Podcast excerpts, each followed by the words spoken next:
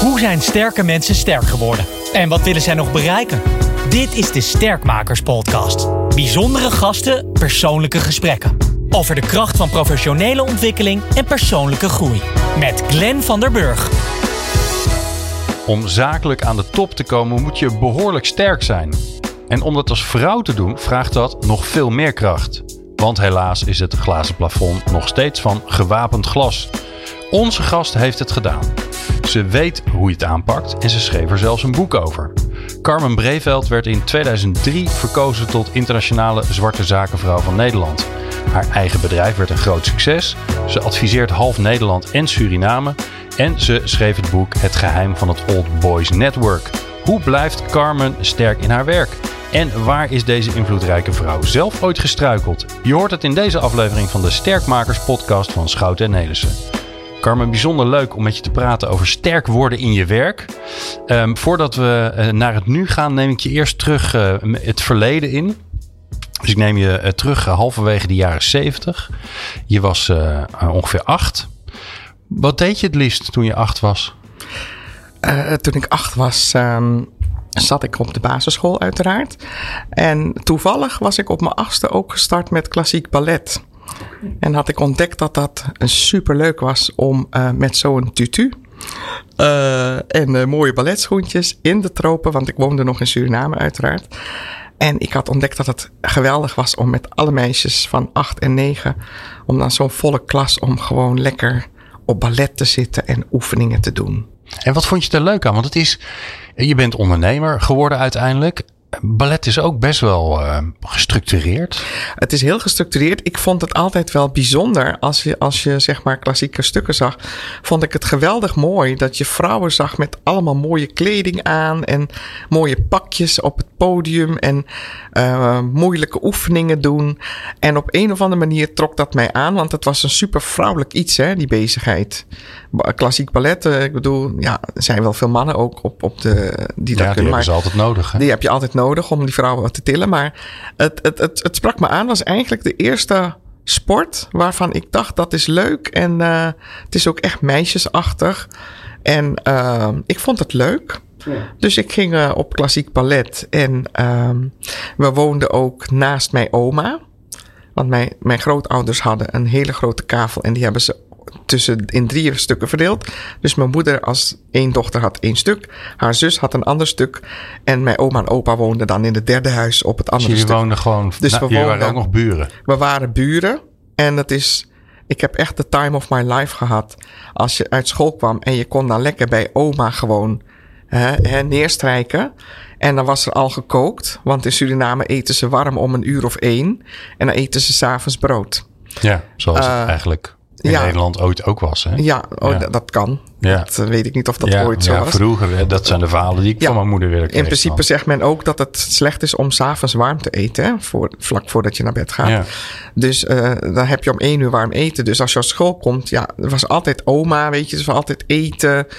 Uh, dus je hebt, je hebt ook niet echt een oppasprobleem of iets dergelijks. Nee. En, en waarschijnlijk een enorme band met je, ja, met je neefjes en nichtjes ook. Klopt, want wij uh, zijn met vier kinderen en mijn tante had er drie. En dan ben je dus altijd met familieleden, altijd met neefjes en nichtjes. En dan komen ook nog van school ook kinderen spelen. Dus het is altijd een groot feest. En, uh, en het is warm, hè? het hele jaar is het warm. Dus je bent het hele jaar buiten aan het spelen. Dus voor een kind, ik vond het echt zielig voor onze kinderen dat ze in Nederland moesten opgroeien. Ja, in de maar regen. goed, die vonden Ja. het in één keer leuk om te gaan schaatsen en zo. Dus die, die, die hebben het ook wel weer getroffen. Maar um, dat je dus in, een, in de tropen opgroeit, dat is eigenlijk voor ieder kind een groot feest. Wat heb je van je ouders meegekregen? Uh, van mijn ouders heb ik meegekregen dat ze altijd werkten. Uh, mijn vader werkte bij Suralco, dat is die aluminium company van de Amerikanen. Uh, zeg, maar, hij is, een techne, hij is een techneut. En mijn moeder die werkte eerst in de apotheek. Ze is apothekersassistent. En later had ze haar eigen drogist opgezet. Dus toen is mijn moeder gaan ondernemen.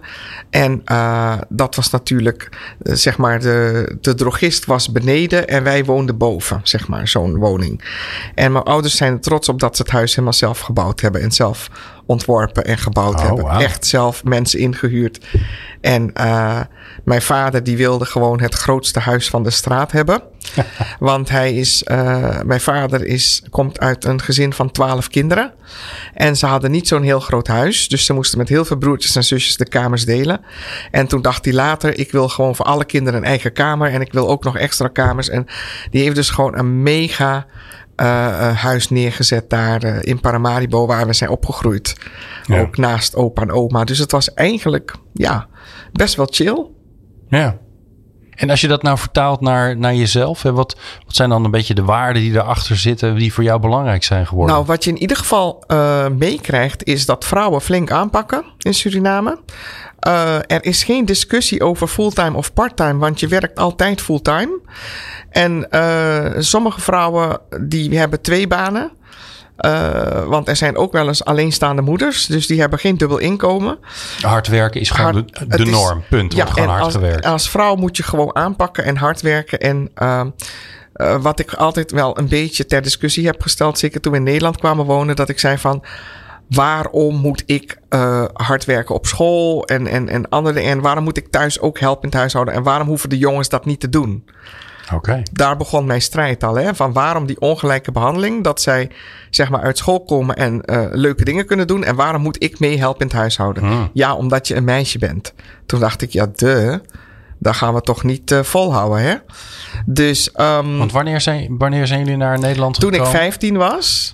Uh, dus midden in die puberteit. Ik wou net zeggen, dat lijkt me een toptijd om, uh, om zo'n is, grote verandering door te horen. Ja, op een of andere manier had ik daar niet zoveel moeite mee. Want in het begin voelt het aan als een vakantie. Hè? Want je gaat van het een op de andere dag ga je naar een ander land. Um, je ziet wel wat er twee huizen, dus er is één huis verkocht daar. En we zijn met het hele gezin naar Nederland gekomen. En we hadden ook familie hier, dus die hebben ook geholpen met scholen uitzoeken en dergelijke. En toen zijn we in Leiden opgevangen. En hebben mijn ouders ook heel snel een huis in de particuliere sector gehuurd. Zodat we gewoon op onszelf konden zijn. Want ze hadden immers uh, één huis verkocht, dus ze hadden flink wat geld. Hmm. Die goede oude tijd was één Surinaamse gulden, twee Nederlandse guldens waard. Dus dan heb je echt doekoe. dan heb je echt wel een flink zakcentje. Dus je ja. bent niet hier voor een uitkering, want je hebt je eigen geld. En ze hadden allebei ook meteen een baan in Nederland. Waarom wilden ze naar Nederland? Uh, dat was in de jaren tachtig, toen net het leger uh, de macht had overgenomen. En mijn ouders zeiden: in heel Zuid-Amerika zie je dat waar het leger aan de macht komt, dan gaat het uiteindelijk niet goed. Want militairen zijn geen bestuurders. Uh, die hebben geleerd hoe je mensen snel en efficiënt moet doden. Dus ze zeiden, het voelt niet echt voor de toekomst. Uh, voordat er erge dingen gebeuren, willen we eigenlijk dit niet afwachten. Dus ze hadden goed leven. Echt voor jullie veiligheid. ja. Dat, en, dat lijkt me hartstikke heftig. Als je gewoon een, ja, een super leven daar hebt en je hebt het allemaal voor elkaar klopt. en je vrienden daar. Klopt. Dus dat is ook zoiets. Want mijn vader had natuurlijk, was ook, opgegro was ook opgegroeid en opgeklommen binnen Suralco, zeg maar. Dat hij daar interne opleidingen had gedaan. En uh, die vond school zelf niet zo interessant. Maar bij die Amerikanen krijg je alle mogelijkheden om door te studeren. Dus mijn vader was op een gegeven moment ook head mechanicien. Dat je verantwoordelijkheid had over een hele ploeg. Ze hebben ploegendiensten, drie ploegendiensten. En dat gaat gewoon continu door, die 24 uursdiensten. Want die bauxiet, die komt natuurlijk daar, die wordt daar gewonnen. En dat gaat dan naar Amerika, wordt aluminium van gemaakt. En heel veel mensen weten niet dat zeg maar, van het bauxiet in Suriname zijn de, is het aluminium gemaakt voor de vliegtuigen van de Tweede ja, Wereldoorlog. Hoge kwaliteit volgens mij, toch? Dat, de vliegtuigen uh, ja. van de Tweede Wereldoorlog van de geallieerden is van de aluminium gemaakt die daar gewonnen werd. Maar dat weten mensen niet, want er wordt op scholen hier heel weinig uh, geleerd aan de kinderen van hoe komt nou wat en waar komt nou wat vandaan. En dan zie je dus ook dat die band tussen Nederland en Suriname, dat is ja, bijna 400 jaar oud. Uh, ja, maar we leren er bijna niks over, toch? Je hoort er bijna niks over, maar het is wel een hele hechte band. Want uh, heel veel Nederlanders kwamen ook naar Suriname om te wonen en te werken. En die zijn daar ook gebleven. Dus je hebt ook witte Surinamers. En die noemen ze dan de boeroes. En dat zijn dan de witte Nederlanders. En hun kinderen, die zijn natuurlijk daar geboren op school geweest. Ja. Dus af en toe hebben we ook wat de boeroes in de familie. En dan zie je dus eigenlijk een blanke man. En die praat dan zo. En dan denk je van, waarom praat jij niet normaal? Ja, ja. omdat ik daar geboren omdat, ben. Ja, omdat hij normaal dus, praat. Ja, ja, dus dat is wel grappig, want mensen denken dan echt dat iemand een geintje aan het maken is, terwijl die gewoon echt zo praat. Uh, maar even, even terug naar, want jullie, uh, Wij woonden dus, alles daar ja. voor elkaar, Ja. prachtig huis, Ja. eh, zelf gebouwd. Je, je moeder, de, de bedrijf met de drogist. En, dan, en dan, dan moet je dus besluiten, omdat je ziet ja, dat, dat, er, eh, eh, dat er iets aankomt met die machtswisseling. Dat je zegt, dit gaat niet goed komen. Eh, dit wordt een onveilige situatie. We gaan weg. Ja, ze hebben dat natuurlijk meegemaakt, want dat was die, die koep werd gepleegd op 25 februari.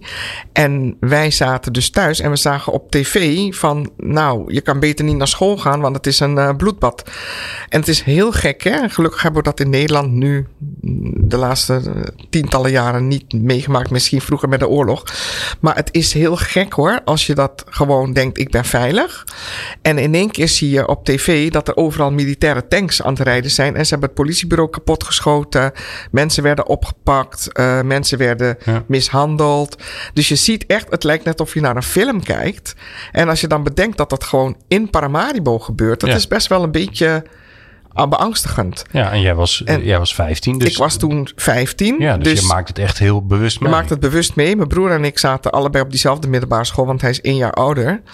En ik had zoiets van, wat gebeurt hier? En mijn broer die zei, yes, ik ga weer mijn bed in. We hoeven niet naar school. Dus die is gewoon verder gaan slapen. Ja. Terwijl ik zoiets had van, wat betekent dit nou? Ja. Het is best wel eng, want je durft ook de straat niet op. Ehm, en ja, en dan nemen de militairen de macht over.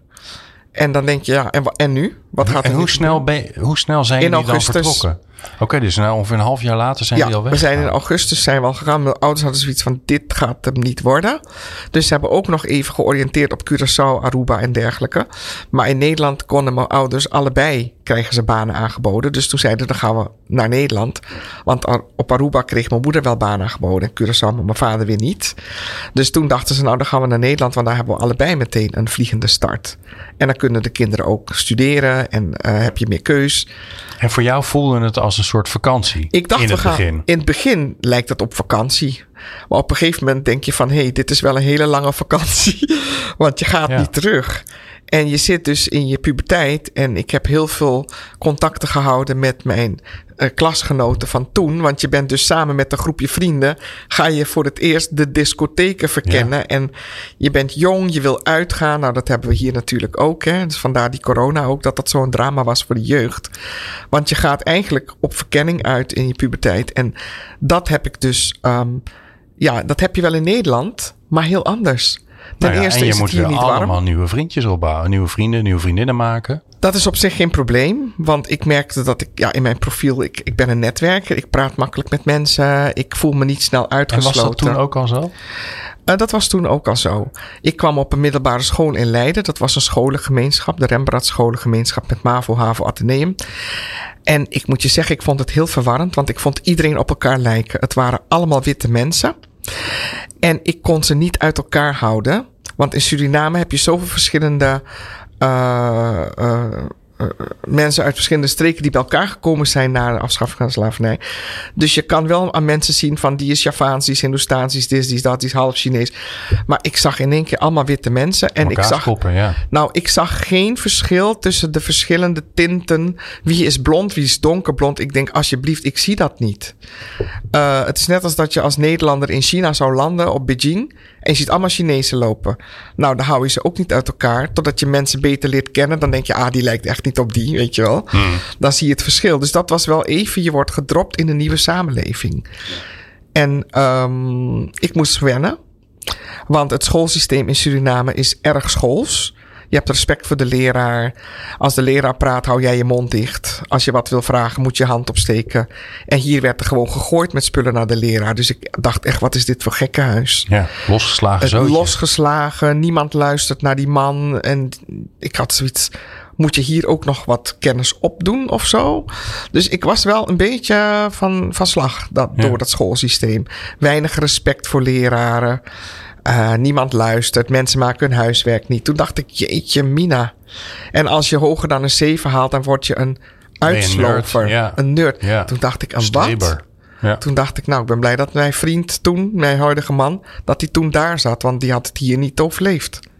Oh, jouw man, je kende je man Ik al kende hem vanuit al. Suriname. Ja. ja en jullie waren al vriendje, vriendinnetje.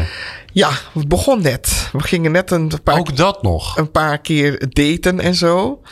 En, en ja, dat daten van toen in Suriname, want het is best wel streng in Suriname, eh, betekent dat je samen naar het zwembad gaat of zo, hè? Of samen naar de bioscoop of dat soort uitjes. Ja.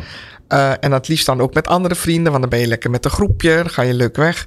Dus um, dat begin je dan een beetje voorzichtig te onderzoeken en dan ga je in één keer naar een ander land. Dus je, je, je was 15, je was verliefd uh, en moest alles en iedereen uh, achterlaten en toch hoor ik je niet zeggen dat het nou onwijs heftig was. Nee, ik vond het niet heftig. Um, het heeft er ook mee te maken dat wij met het hele gezin kwamen. Hè? Als je in je eentje gaat studeren in een ander land, dan ben je echt alleen. Uh, maar je komt natuurlijk met je ouders, met het gezin. Ze hadden het geld genoeg om een huis te huren. We hadden meteen een mooi huis, uh, een auto gekocht. Um, dus je moet even wennen aan het systeem, het schoolsysteem. En ik vind dat we verschrikkelijk lange dagen maken op school hier. In Suriname ben je tot één uur op school en dan ben je de rest van de dag vrij. Ja. En hier was je toch pas om vier uur klaar. En toen dacht ik, hoe kan dit? Want in Suriname hebben ze exact dezelfde examens als in Nederland. En daar is het slagingspercentage hoger dan in Nederland. En waarom zitten wij hier tot vier uur op school? Want daardoor is, dacht ik, wanneer sporten die mensen dan? Uh, en wanneer moet je dan koken? Uh, uh, want je hebt evenveel lesstof. Maar je zit daar om één uur ben je gewoon klaar. Tropenrooster. Dus je hebt tijd om te sporten. Je kan je huiswerk maken. Je kan nog naar, met vriendinnetjes wat doen. S'avonds kun je nog, heb je nog de hele avond met je ouders. En hier, om vier uur ben je klaar. Nou, dan ben je om half vijf, vijf uur thuis. Is het eten, alles maar haasten, haasten, haasten. Het is een gewone gehaaste samenleving. Ik had zoiets, waar zijn deze mensen allemaal mee bezig? Ja, ja. Dus je komt, zeg maar, in je, in je puberteitperiode kom je naar Nederland. Waar, moest je, meestal is dat een periode dat je ook ergens een beetje strijd levert met je ouders, een beetje los moet komen. Waar moest jij los van komen? Nou, voor mijn ouders was het natuurlijk een grotere verandering, want die komen in de Nederlandse cultuur terecht. En die vonden het al bizar dat uh, vrienden en vriendinnen die van school meenam, dat die zeiden hallo. En niet goedemiddag mevrouw of goedemiddag meneer. Uh, hallo. Mijn vader had echt zoiets van over wie, tegen wie hebben ze het, weet je wel. Dus wij moesten aan mijn ouders uitleggen dat het niet onbeleefd was, maar dat dat hier normaal was. Dat mensen hallo zeggen. Ja, ik zeg toch gedag, ik zeg toch hallo. Dus wij moesten de ouders opvoeden om uh, te wennen aan de Nederlandse cultuur, dat dat dan al beschaafd zou zijn. Mm, mm. Dus zij hadden meer moeite met zich aan te passen dan dat wij dat hadden, zeg maar. Want wij gingen echt gewoon.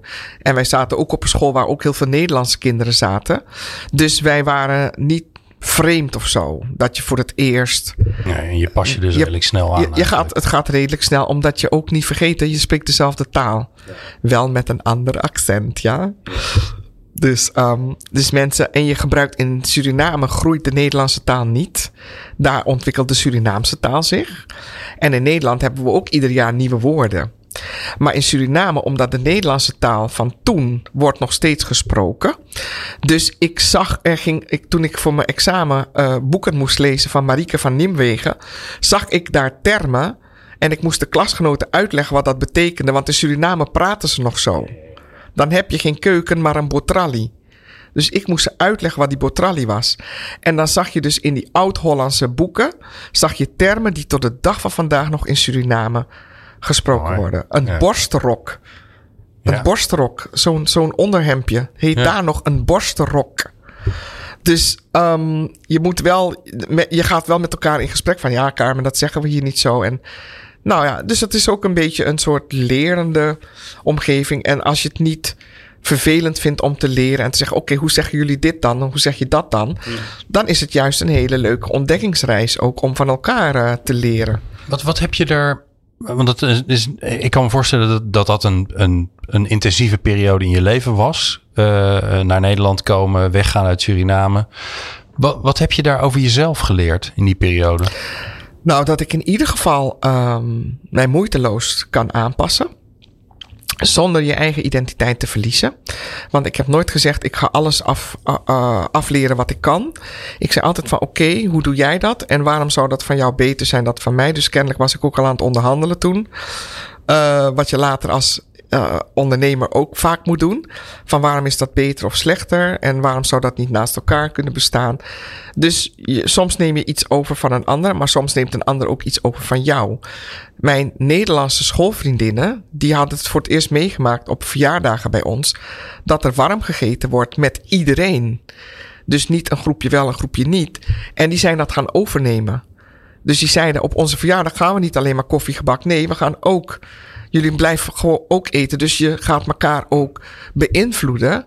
Uh, als ik naar mijn dochter kijk, die is nu 27, haar vriendinnen, die eten gewoon niet alleen Hollands, maar die eten ook Japans, Surinaams. Die zijn dus ook, zeg maar, uh, gaan kijken naar de internationale keuken en die wilden bepaalde gerechten leren.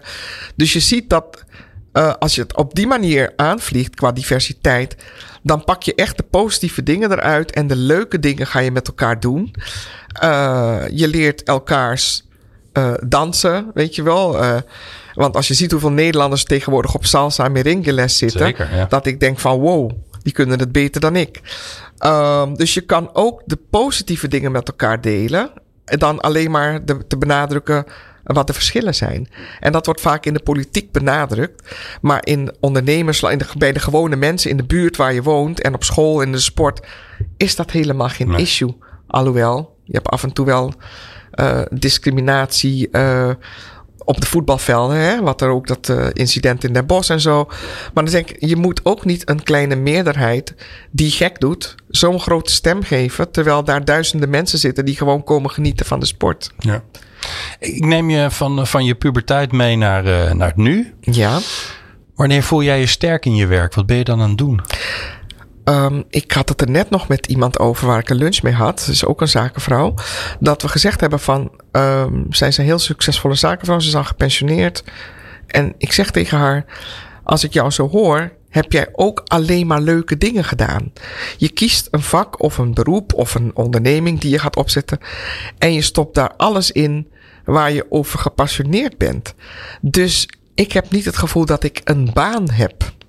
Je bent bezig vanaf je opstaat tot je weer naar bed gaat met dingen die je leuk vindt, uh, waarmee je voor anderen waarde kan toevoegen. Dat kan vanuit een baan in loondienst natuurlijk, kan je ook gepassioneerd bezig zijn.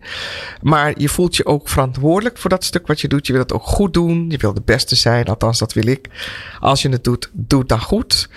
Um, en dan worden andere mensen blij van en dan word ik weer blij van dat zij blij worden van wat ik voor ze doe.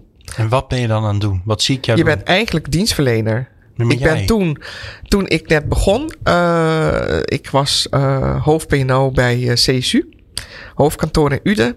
En ik heb daar drie jaar gewerkt en ik heb heel veel ruimte van mijn toenmalige directeur gekregen, Jos Molendijk.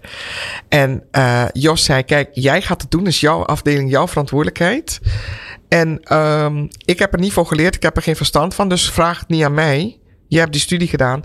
Dus ik heb zoveel ruimte van Jos gekregen.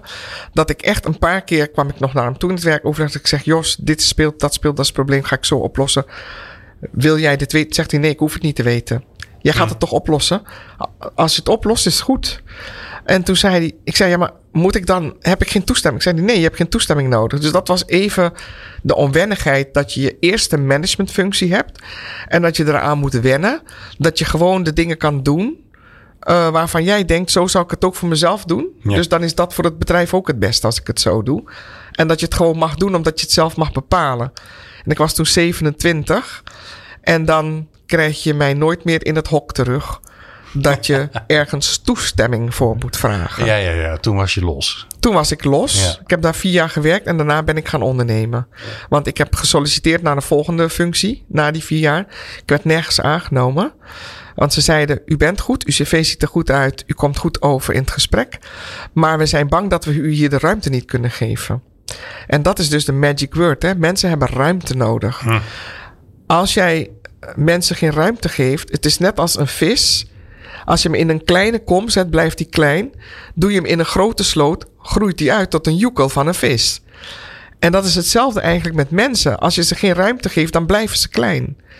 En ik denk dat je mensen dus ook de ruimte moet geven, de verantwoordelijkheid, maar ook een stukje bevoegdheid en zeg van, hoe zou jij het doen? Een voorbeeldje. Mijn office manager in mijn bedrijf, toen ik net mijn bedrijf had opgestart, waren net begonnen. We zouden een mailing eruit doen van duizend brieven, want er waren geen e-mails toen. Ze zegt tegen mij, ik heb die brief opgesteld, maar de drie laatste regels die komen op de tweede pagina. Ik zeg, ja, nou, wat is het probleem dan? Zegt ze, daardoor moet ik uh, twee postzegels plakken, omdat er een extra pagina is. Wat moet ik doen? Ik zeg, wat zou je doen? Als jij die postzegels uit je eigen zak zou moeten betalen. Toen zei ze, dan zou ik die brief gaan herschrijven, herschikken, totdat die paste op één pagina. Ik zei, nou als je voortaan dat altijd doet, ja. van wat zou ik doen als ik hem zelf moest betalen, dan zou ik het zo doen, want dan heb ik maar de helft van de portiekosten en heb ik nog steeds de boodschap overgebracht. Nou, we hebben echt geweldige tijd gehad, jarenlang is ze mijn rechterhand geweest. Maar daardoor geef je mensen ook de verantwoordelijkheid van hoe zou jij het doen? Ja. En, en jij zegt, ik, um, um, ik heb eigenlijk al, altijd alleen maar dingen gedaan waar ik een passie voor had, die ik leuk vond om te doen. Hoe weet je dat dan? Uitproberen. Oké. Okay. Dus je hebt ook veel dingen gedaan waarvan je dacht, hmm, dit is dus niet zo leuk. Ja. Ik, ik heb Noem eens een voorbeeld. Um, toen we in de COVID-tijd belanden, toen viel alles stil. En toen werd ik benaderd door heel veel ondernemers. Die uh, zeiden van ja, zullen we wat gaan doen met uh, mondkapjes of zo. Nou, dat is totaal mijn richting niet. Maar ik had zoiets van, ik heb wel klanten in de zorgsector. Dus misschien kan ik ze gaan vragen van jongens, hebben jullie problemen? Moeten we jullie op zoek gaan naar mondkapjes en andere materialen? En ik werd benaderd door partijen in Nederland die gewoon die producten al leverden. En ze weten dat ik contacten heb bij het ministerie van VWS. Dus ze benaderden mij van zullen we niet samen wat doen, dit en dat, dus en zo. Ja, er zijn mensen heel rijk van geworden. Ik heb het ministerie benaderd. Ik dacht van ik koppel ze eraan, want ik hoef daar niks mee. Want ook met testen, hè. Er zijn partijen in Nederland die ook al de zwangerschapstesten maken. Dus die hadden ook heel snel een COVID-test klaar. En toen kreeg ik dus echt, nou, ik kreeg er geen energie van. Die ambtenaren wilden niet bewegen. Want wat zeiden ze? Ja, nee, we gaan niet met MKB-bedrijven wat doen. We kijken naar de grote multinationals buiten Nederland. Toen dacht ik, hoe bekrompen kun je zijn? Mm. Want de omzet valt al weg van heel veel ondernemers. Nou hebben we Nederlandse producten. Die we, daar heb je en de ondernemers geholpen en Nederland voorzien van de producten. En dan zegt zo'n ambtenaar: nee, we gaan geen zaken doen met een MKB-bedrijf. Zeg MKB-bedrijf, ze bestaan al 150 jaar hoor. En dan wordt er geen zaken mee gedaan. Dus dan kun je je voorstellen. Dat slipje zakte af toen ik dat van die Siewert van Linde. Dat slipje is al lang weg, joh.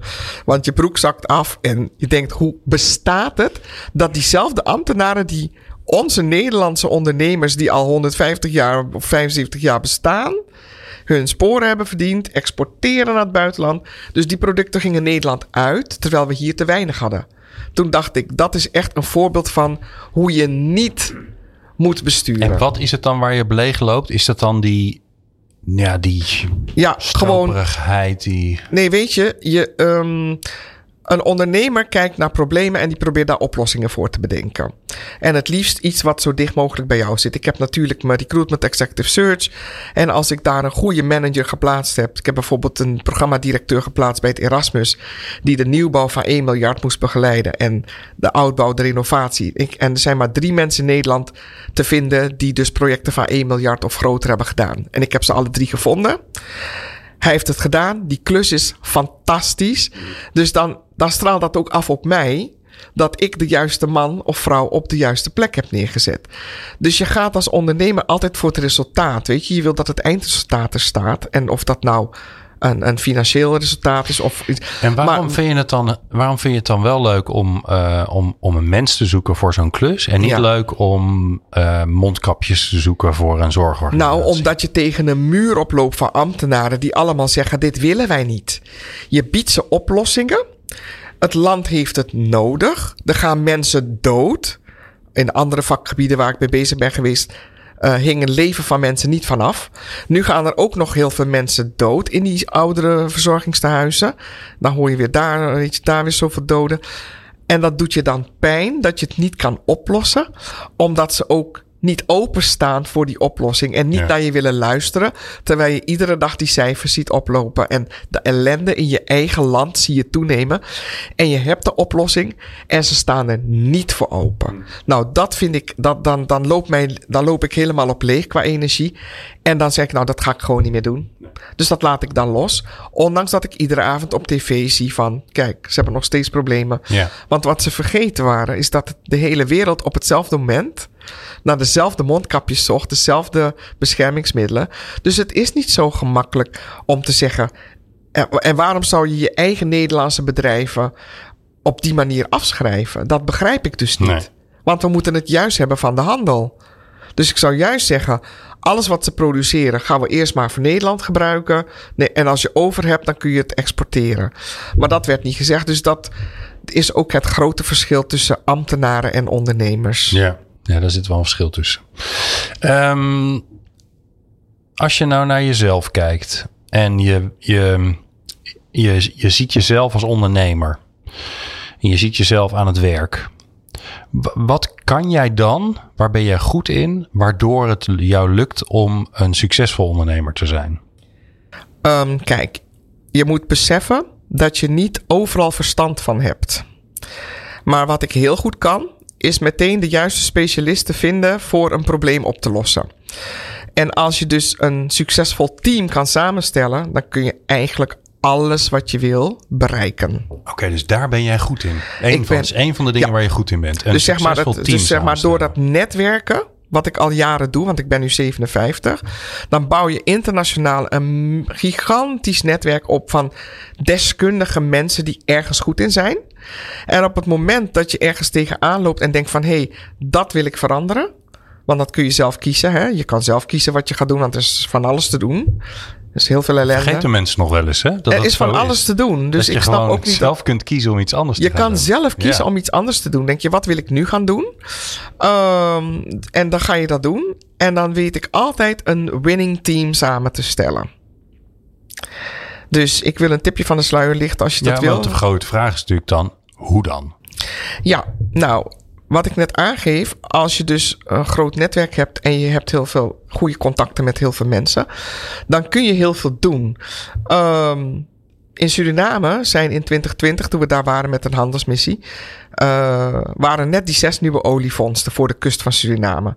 Nou, Suriname is een rijk land, nummer 17 rijkste land in de wereld als het gaat om grondstoffen. Maar ze zijn niet in staat, het leiderschap is dusdanig slecht, dat Suriname altijd als een arm land wordt afgeschilderd in de buitenwereld. Maar heel veel grote landen zien dat Suriname heel veel potentie heeft omdat ze heel veel grondstof hebben. Rusland is daar op visite geweest. Amerika gaat daar. Iedereen, alle grote eh, namen, eh, China. Dan denk je van, dan moet je gaan nadenken, waarom komen die grote landen naar Suriname toe? Dan heb je kennelijk iets wat zij heel interessant vinden. Ik ben op handelsmissie gegaan en toen ben ik geconfronteerd met de vraag van een aantal bobo's daar.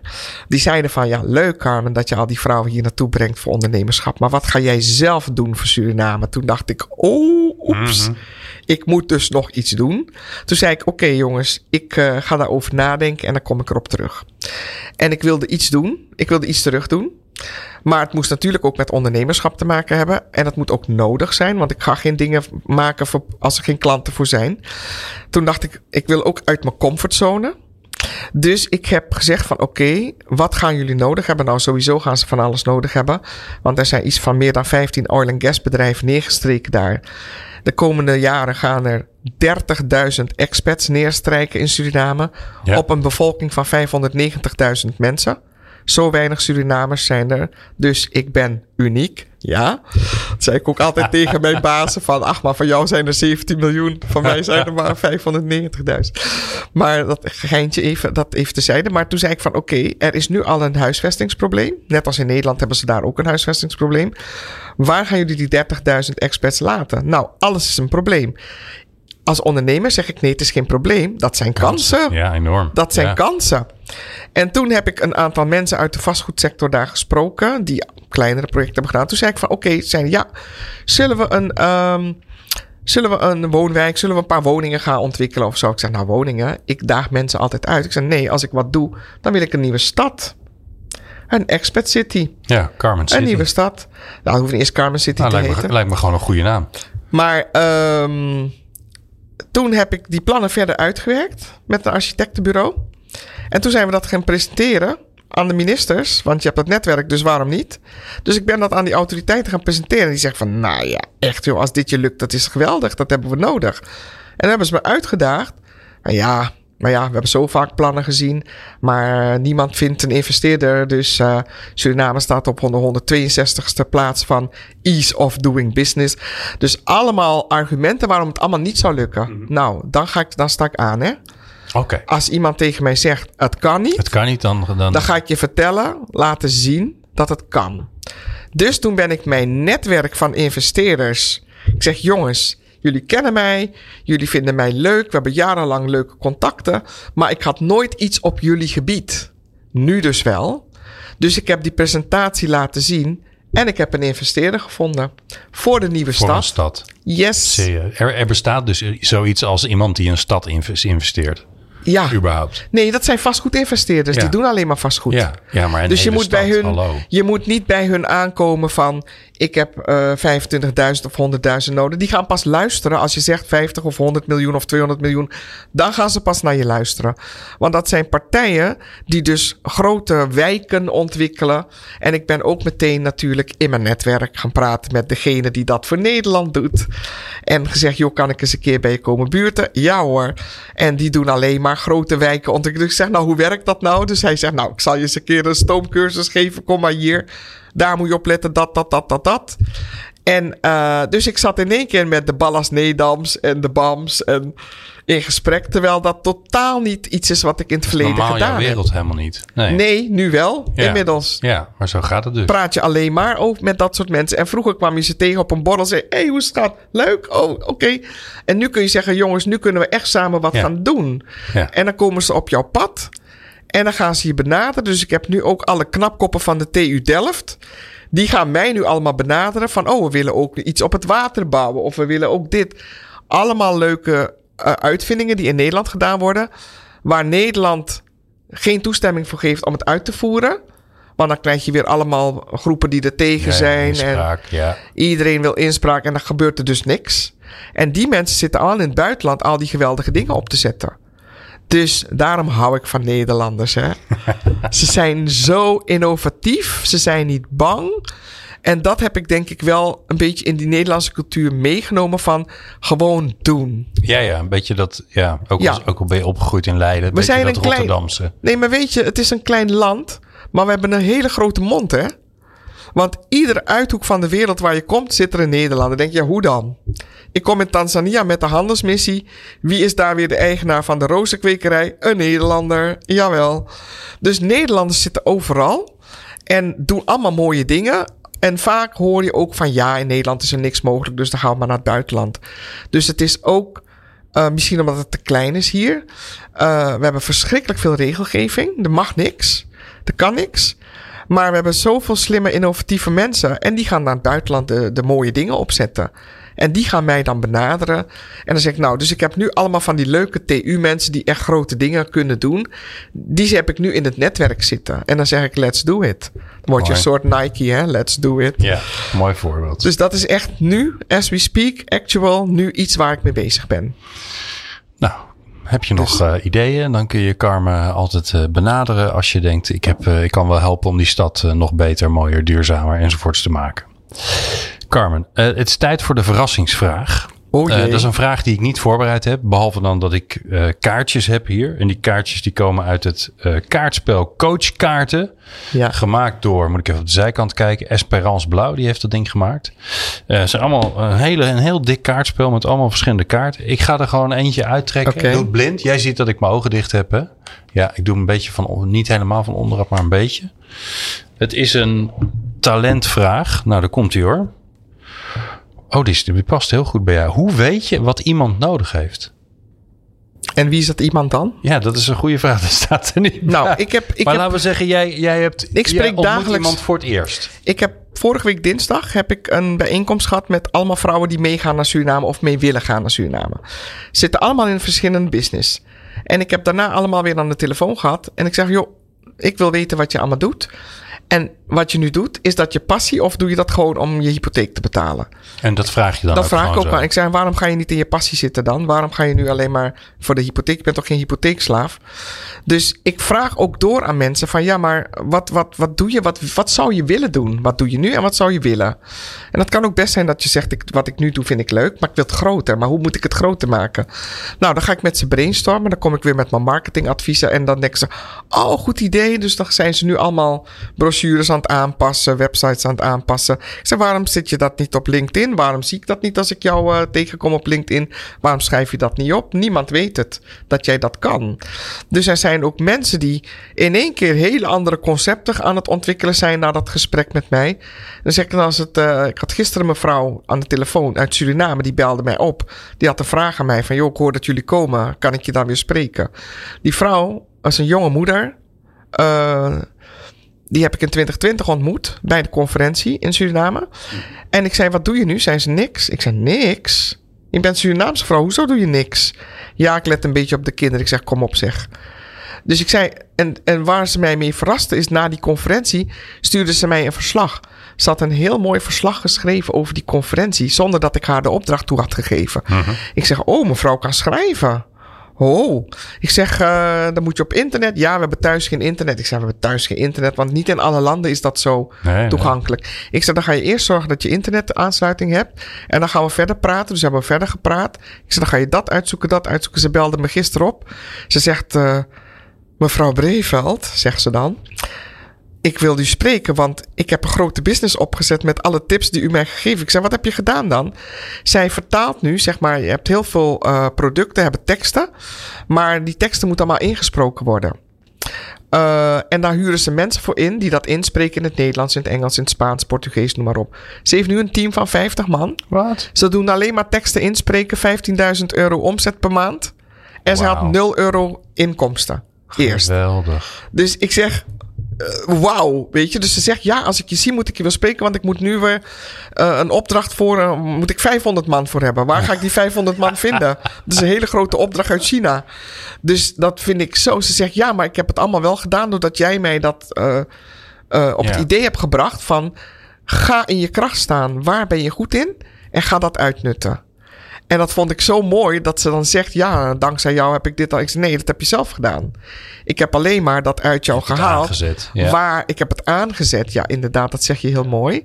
En dat doe ik dus bij heel veel mensen. Dus ik, eh, mensen zeggen: Ja, dat heet dan inspiratie. Want jij hebt me geïnspireerd om dat te gaan doen. En dan ben ik gaan doen. En als het in jou zit en dan komt het eruit. En die angst, weet je, daar is geen ruimte voor. Er is genoeg te doen, genoeg uitdagingen. En Mensen moeten ophouden met de bangmakerij en zo. En als ze in een bedrijf jou bang maken, dan moet je daar weg. Dan doen ze, gaan ze het zelf doen, als ze het beter weten. Dus um, ik denk dat we gewoon toe zijn aan uh, meer vanuit jezelf, je eigen passie werken. En daar wordt de mens ook gelukkig van. Want we kunnen wel allemaal werken, maar je wil ook gelukkig zijn in het leven. En gelukkig ben je niet als je heel veel geld hebt, want dat denken vaak mensen. Daar heb je juist meer stress van. Maar gelukkig zijn is ook gewoon de dingen mogen doen die je graag wil doen. En ik bedoel, als je nou uh, 5000 per maand hebt of 10.000 per maand, ga je niet in één keer 10 keer uit eten s'avonds, weet je? Ja, sterker nog, daar heb je dan weer geen Je tijd hebt geen voor. tijd Dan krijg je voor. ja. Precies, dan krijg je dat weer. Of je bent al s- smiddags al uit eten geweest. Ja. En denk je, ik ben blij als ik even thuis ben. Precies. Carmen, ik neem je mee naar de toekomst. Ja. We zijn op je tachtigste verjaardag. Gefeliciteerd. Leuk, leuk dat ik ook mocht komen trouwens. Eh, al je familie, je vrienden, je bekenden, ze zijn er allemaal. Eh, het is één groot feest. Ehm, ik weet niet of het cultuur is in, eh, in de Surinaamse cultuur, maar er wordt gespeecht. In ieder geval, iemand gaat vertellen over wat je betekend hebt voor hen in hun leven. Zakelijk en privé. Wat hoop je dat er gezegd wordt over je? Nou, wat, wat er gezegd gaat worden, wat ik nu natuurlijk ook al meemaak, is dat mensen zeggen van dankzij jou of het gesprek met jou heb ik dat en dat opgebouwd of heb ik dat en dat kunnen doen. Dus kennelijk ben ik wel een inspirator voor mensen die uh, of de weg kwijt zijn of niet weten wat ze moeten doen of altijd in een afhankelijkheidspositie hebben gezeten. Van ja, mijn man heeft toch een goede baan. Ik zeg ja, maar je man kan ziek worden, die kan ook doodgaan, is ook een mens. Ja, En wat dan? Ja. Weet je? Dus je moet altijd wel zorgen dat je zelfstandig bent en voor jezelf kunt zorgen. En dat krijg ik nu al terug van mensen. Dat ze zeggen van ja, jij hebt zoveel voor mij betekend, want dankzij jou heb ik dat bedrijf. En dan zeg ik gelijk, net heb je zelf gedaan. Maar kennelijk kan ik bij mensen iets uh, laten ontwaken of zo, waardoor zij in één keer denken van, ja, ik, ik, ik kan het, ik moet het doen. En als je, ik zeg, het is ook niet erg als het mislukt, want je mag ook iets anders proberen. Niemand heeft gezegd dat jij maar één kans hebt, hè? Je kan iedere week iets nieuws proberen. En als het aanslaat, dan ga je door. Als het niet aanslaat, begraven. Ga begraven, ga je wat anders doen. Ja, mooi. Dus ik denk dat je dan dat soort verhalen allemaal krijgt van mensen die zeggen: Nou, dat en dat heeft ze toen uh, voor mij uh, betekend. Waar heb je nog aan te werken? Richting je tachtigste. Uh, waar heb ik nog aan te werken? Voor jezelf. Wat wil je nog ontwikkelen waarvan denk je, ja, nou, dat, daar, daar, daar wil ik nog meer van weten. Of daar wil ik nog aan mezelf schaven. Ja, weet je, ik krijg vaak van mijn zoon op mijn kop dat ik te weinig boeken lees. Uh, omdat ik zoveel meetings heb. En als ik s'nachts om 1 uur, 2 uur klaar ben, dan heb ik geen ruimte meer om aan een boek te beginnen. Dus, en ik, ik, ik zeg ook tegen hem: oké, dan doe ik het wel op vakanties en zo. Maar er worden natuurlijk heel veel boeken geproduceerd. En ik krijg ook heel veel boeken toegestuurd. Iedereen verblijdt mij met hun boek. En als ik al die boeken ga lezen, dan kan ik al die andere grote dingen niet meer doen. Want dan moet ik dus alles gaan afzeggen wat ik nu aan het doen ben. Ja. En dan kun je wel heel. Maar mis je het? Ja, ik, ik ben wel meer overgestapt op luisterboeken. Dat ik denk van okay. dan ga ik luisteren. Want als ik dan een paar uur in de auto zit, dan moet je toch wat doen. Dus ja. dan ga ik luisteren. Dus dan blijf je toch een beetje bij. En daarom ben ik blij dat je ook luisterboeken hebt. Uh, die aanvankelijk ooit voor blinde mensen gemaakt zijn. Ja. Mijn moeder is blind geworden. Dus die zit ook in die wereld van de luisterboeken. Ik heb ook speciaal van mijn boek een luisterversie laten maken als eerste voor haar. Dus dan weet je ook van, dan word je niet uitgesloten omdat je nog alles meekrijgt. Dus ik zeg altijd, waar een wil is, is een weg. Als je wat wil, uh, kun je doen. Er is zoveel te doen in de wereld. En er zijn zoveel mensen die jouw kennis en kunde en ervaring nodig hebben. Alleen als je daar niet naar op zoek gaat en geen mensen spreekt en tegenkomt, dan weet je dat niet. Mooi, mooi advies. Laatste vraag. Welke vraag zouden mensen zich zelf moeten stellen als ze sterker in hun werk willen worden? Wat is een goede vraag om je ze nu dan eens af te vragen? Ben ik bezig? Werk ik vanuit mijn passie? Of werk ik vanuit een baan? Eigenlijk wil ik mensen adviseren om nooit meer op een baan te solliciteren. Maar om te kijken van waar word ik nou vrolijk van en waar kan ik dat vinden? Bij welke werkgever kan ik dat vinden? Dus je solliciteert niet naar een baan, maar je solliciteert naar een passie en je wil iets neerzetten. Ik denk dat als mensen vanuit hun passie gaan werken, dan heb je ook geen banen meer nodig. En als ze je eind van de maand ook nog betalen of je kan een factuur sturen, dan is het natuurlijk een fantastische passie. Ik denk dat je dan veel meer resultaat en rendement krijgt uit mensen dan alles maar in een hokje te stoppen van dit mag niet en dat mag niet, want daar zijn we heel goed in. Hè? Als je mensen van alles verbiedt, dan kill je ook de innovatie. Want dan ga je in een cultuur waar alles verboden is, ga je niks uitproberen. En wat zie je in research labs? Mensen doen honderdduizend proeven en één is een gouden die, die, die breekt door en dat wordt hem dan, weet je wel. Dus uh, ik werk, ik heb natuurlijk ook een, een, een R&D-man uh, getrouwd. Dus die heeft uh, jarenlang bij Axo Nobel gewerkt voordat hij voor zichzelf ging beginnen. Heeft heel veel uitvindingen gedaan. En hij zegt, ja, bij R&D, dan mag je fouten maken. Dan mag je dingen zoveel uitproberen. En waarom mag je in het gewone bedrijfsleven niet een beetje meer R&D een beetje trial and error. Ja, dus ik hoor eigenlijk dat je twee dingen zegt. Eén is, uh, ga, uh, ga bedenken of je nou echt aan het doen bent wat je leuk vindt en waar ja. je hart van overloopt. En, um, um, en, en probeer dingen uit. Probeer Toch, dingen het hoeft uit. niet allemaal goed te gaan gelijk. En misschien mensen klagen ook wel van ja, ik solliciteer, ik word gediscrimineerd, ik word niet uitgenodigd, bladibla, weet je wel. Ik zeg ook tegen ze, je hebt maar één werkgever nodig. Die één persoon die het talent in jou herkent en jou de kans geeft. Ik zeg die overige 16 miljoen 900.000 Nederlanders, laat maar zitten. Maar die ene die in jou gelooft, die zegt: Ik zie jou dat doen. Dat heb ik gehad op mijn 27ste. Dat Jos zei: Je kunt het, je gaat het doen. En toen had ik de ruimte om het ook te doen, om te ontdekken: oh, Ik kan het. Dus je hebt maar één persoon nodig. Ga op zoek naar die ene persoon die in jou gelooft. En de rest is allemaal onbelangrijk. Mooi. Dankjewel voor het mooie gesprek, Carmen Breveld. Graag gedaan. Bedankt voor het luisteren naar de Sterkmakers podcast. Hopelijk heb je er nieuwe energie van gekregen. Maar echt sterker word je door er iets mee te doen. Dus waar wacht je op? Aan de slag! Meer podcasts vind je op jouw favoriete podcast-app door te zoeken op de Sterkmakers Podcast. Bezoek ook onze website sn.nl/podcast voor alle informatie over de Sterkmakers Podcast.